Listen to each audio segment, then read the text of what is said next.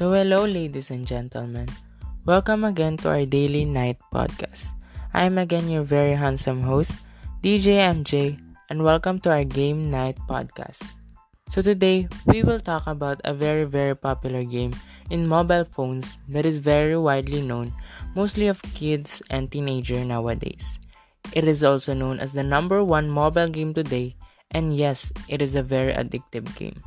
So, do you know now what we are going to talk about? It is no other than Mobile Legends. Yes, indeed, it is the most famous game today with 100 million plus downloads. Can you believe that? This game is so lit.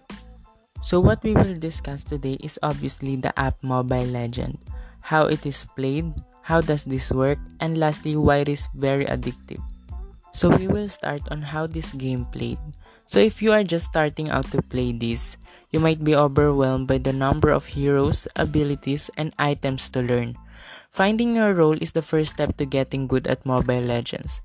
Learning what role suits you best will not only benefit your gameplay, but will also make the game more enjoyable.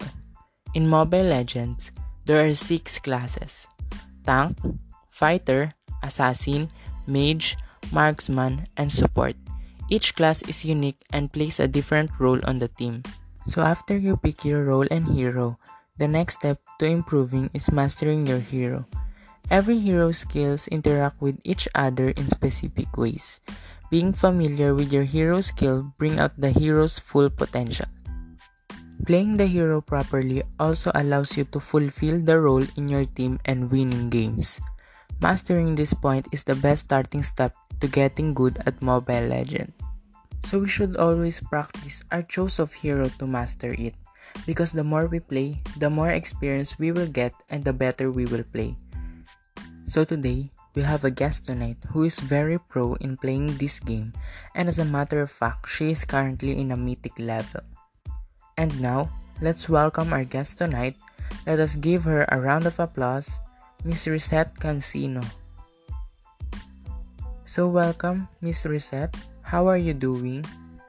So good to hear that. So how playing ML benefits you? Wow, that is a good answer. So can you tell me the reason why this game is so addictive? So how will you rate ML out of all games?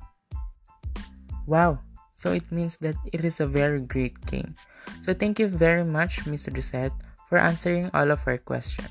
So this is where our podcast ends. I hope you enjoyed and learned about our game night podcast today. Next week, we have another topic that we will discuss, so be ready and stay tuned. I'm again DJ MJ, your host. Good night and thank you.